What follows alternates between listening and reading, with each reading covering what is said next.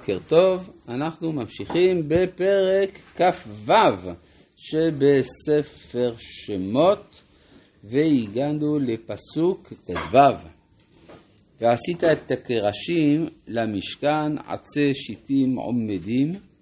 עשר אמות אורך הקרש ואמה וחצי האמה רוחב הקרש האחד זאת אומרת שצריך שהמשכן יעמוד, ואז יש לו עצי שיטים עומדים. מה פירוש הדבר שהם עומדים? הרי ברור שהם עומדים. אלא הכוונה שהניסור של הקרשים צריך לפי, להיות לפי צורת הגדילה של עץ השיטה. כלומר, ממטה למעלה, ולא להפוך את הסדר. למה זה כזה חשוב? זה בעצם אומר שהמשכן הוא המשך של היער. היער זה מקום שבו יש עצים שגדלים, אז זה מועבר אחר כך בצורה של משכן, בצורה סימבולית יותר, אבל עדיין משהו מהסדר הטבעי צריך להישאר שם, הרי היער הוא הבית הטבעי של האדם הפרימיטיבי. ואחר כך זה הולך ומתעלה לכיוון האדם התרבותי, אבל עדיין נשמר משהו מן הטבע הראשוני. והאורך של, ה, של הקרש הוא עשר אמות. אומרים חז"ל, למה צריך עשר אמות? זה גבוה, זה ארבע מטר ושמונים. אלא זה היה הגובה של משה. משה היה גבוה עשר אמות, וכדי להיכנס למשכן צריך שהוא לא יצטרך להתכופף, אז המשכן היה גבוה עשר אמות. נשאלת השאלה האם הקהל הקדוש מאמין לזה. כן, התשובה היא שבוודאי צריך להאמין לזה, לא בפועל. אומר המהר"ל מפראג, כשאומרים שיעורים כאלה, אין הכוונה שזה היה השיעור במציאות, אלא שזה השיעור הראוי. משה מצד מעלתו ראוי לגובה עשר אמות. אבל כמה היה בפועל? היה כמה שאפשר, כי יש עיכוב מצד הטבע. אז בעצם יוצא שמשה היה גבוה עשר אמות מצד מהותו, אבל לא היה גבוה עשר אמות מצד חומרו. כן? וכך גם מסביר המהר"ל לגבי כל מיני דברים שנאמרו על רבקה שהייתה בת שלוש, ועוד אה, אמירות כאלה שלכאורה הן תמוהות ביותר, או למשל מספר החיילים שבאו עם סנחריב.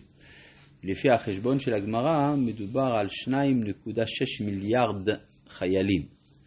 שזה דבר שלא עולה על הדעת, אלא, אומר המהר"ל, הכוונה שזה המספר הראוי לצבאו של סנחריב, מצד מה שהוא מייצג, מצד עוצמתו. במציאות, בפועל, זה היה פחות, הרבה פחות.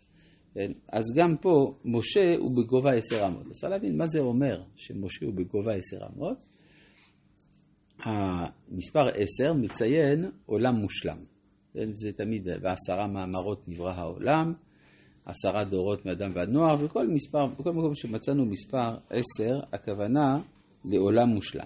אז מובן מאליו שאם המשכן הוא המקום המושלם, והוא מכניס אל קרבו את האדם המושלם, כל זה צריך להיות באורך של עשר אמות, אורך הקרש, זה ברור.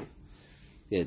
ואמה וחצי האמה זאת אומרת, הביטוי, איפה מצאנו מידות לא שלמות, מצאנו את זה במיוחד, ראינו לגבי ארון הברית, שאמה וחצי רוחבו ואמה וחצי קומתו, המאתיים לא, וחצי אורכו, תמיד המספר חצי, שבא להראות על צורך בהשתלמות. כן, הצורך של, ה... כלומר, לא מספיק שהעולם יהיה שלם, הוא גם צריך להיות עולם משתלם. אז בצד גובהו, אז הוא יהיה במידות שלמות, מצד שלמותו של עולם. מצד רוחבו, הוא צריך להיות עם מידה שיש בה מחצית, כדי להורות על ההשתלמות. שני מושגים של תורת השלמות בתורתו של הרב קוק. עכשיו, מה העובי של הקרש? זה מעניין. התורה לא אמרה מה העובי של הקרש. האם זה היה, אז רש"י מביא בשם ברייתא דמלאכת המשכן, שהעובי של הקרש היה אמה. כן? אבל אז זה יוצא משהו שבערך כל קרש, מה? כן, טון וחצי. טון וחצי לכל קרש, וכל הקרשים האלה צריכים להחזיק בתוך שתי עגלות, שיש להם אה, ארבע גלגלים שנמשכים על ידי אה, ארבע פרות, ארבע פרים. זה לא, לא מחזיק מעמד, אלא אם כן נאמר שזה היה נס. כן? לכן מבחינת המציאות, אז אה, הרבה יותר מסתבר מה שאומר רבנו אברהם אבן עזרא, שלא נאמר העובי של הקרש, בגלל שהעובי הוא כל עובי שהוא. כן, כלשהו, דיקט אפילו. אז כנראה לא ממש דיקט, כי צריך להחזיק מעמד, להחזיק את היריעות, אבל ברור שזה לא היה אמה. אלא מה? אז למה הברייתא דמלאכת המשכן אומרת שזה היה אמה? שוב, יש לנו אותו עיקרון, לפי מה שראוי. יש המשכן הראוי ויש המשכן במציאות. הראוי זה עובי אמה, במציאות הרבה פחות. אפשר להגיד שזה בעצם אמה, אבל חלול. אמה חלולה. אפשר גם את זה לומר, אבל זה כבר לא קרש. איפה? זה קרש חלול. כן? זה אפשר להגיד דברים כאלה. אפשר גם להגיד את זה על האדנים.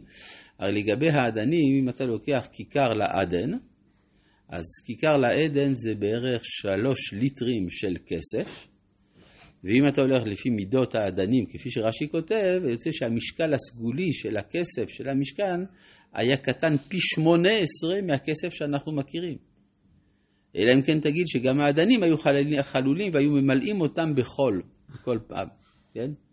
כן, קנה אותם בזול, הם היו מלאות בחול. אז היה צריך אה, כל פעם לנקות אותם, אבל אה, זה אפשרי. כן, אבל יותר פשוט לומר מצד הפשט, כן, שהדברים היו אה, הרבה יותר קטנים, זאת אומרת העובי היה כלשהו ולכן הוא לא צוין בתורה. אה, בכלל יש, אה, כשיש מחלוקת במציאות, למשל אה, על צורת הקרשים, יש גם מחלוקת, הרי דת, יש מחלוקת רבי יהודה ונחמיה, רבי, ורבי נחמיה, האם הקרשים היו מק, אה, שני קווים מקבילים או שהיה הם שהיו שפיציים כאלה, שמלמטה רחב ובגובה צר.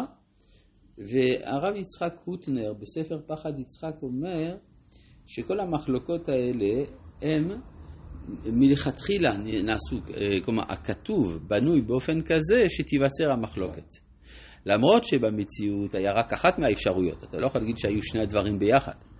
אבל הכתוב רצה שגם הדעה השנייה יהיה לה מקום, גם אם היא לא הייתה במציאות. ולכן הדברים נכתבו באופן שתיווצר המחלוקת. כלומר, מחלוקת חכמים זה לא מחלוקת בין אחד שיודע לבין אחד שלא יודע, אלא זה כל אחד, ש... כל אחד משני הצדדים רגיש לממד מסוים שהכתוב רוצה שיופיע במציאות. איפה היינו? ועשית, כן, עשר, אה, שתי ידות לקרש האחד, משולבות, אישה אל אחותה, כן תעשה לכל קרשי המשכן, אז למה שתי הידות? זה אנחנו נראה בהמשך שזה בשביל האדנים. ועשית את הקרשים למשכן, עשרים קרש לפת נגן בת אמנה, וארבעים אדני כסף תעשה תחת עשרים הקרש. שני אדנים תחת הקרש האחד לשתי ידותיו, ושני אדנים תחת הקרש האחד לשתי ידותיו. כלומר, המשכן צריך להחזיק על גבי קרקע, לפעמים זה קרקע חולי, לפעמים זה קרקע מדברי יבש, בכל מקרה צריך משהו חזק. לכן האדנים הם עשויים מכסף והם, והם האפשרות של החזקת המעמד. עכשיו, אדנים הם לא סתם אדנים, אדנים הם עשויים מכסף, כסף מציין בכל מקום, המתכת כסף מציינת את הכיסופים. כלומר, מה שלמטה שואף למעלה, יש לו, הוא כוסף כלפי מעלה, ומקבל את האדנות, כן? שם אדנות ואדנים, עניין אחד הם, ואז יוצא שיש כמין יחס בין הקרש לבין העדן, כיחס זכר אל נקבה, שמציין את היות המשכן מקום הזיווג העליון. ולצלע המשכן השני תליפת צפון, עשרים קרש וארבעים אדניהם כסף, שני אדנים תחת הקרש האחד ושני אדנים תחת הקרש האחד, ולירכתי המשכן ימה תעשה שישה קרשים, ושני קרשים תעשה למקוצעות המשכן בירכתיים. שני הקרשים שבירכתיים הם אלה שיצרו את כל הבעיות שגרמו לומר שהקרשים היו ברוחב טפח, כדי שזה יתאים למידות, אבל אפשר להסתדר גם בלי זה. ויהיו, ויהיו תואמים מלמטה, ויחדיו יהיו תמים על ראשו אל הטבעת האחת, כן יהיה לשניהם, לשני המקצועות, יהיו, והיו שמונה קרשים ואדני הם כסף, 16 אדנים, שני אדנים תחת הקש האחד, ושני אדנים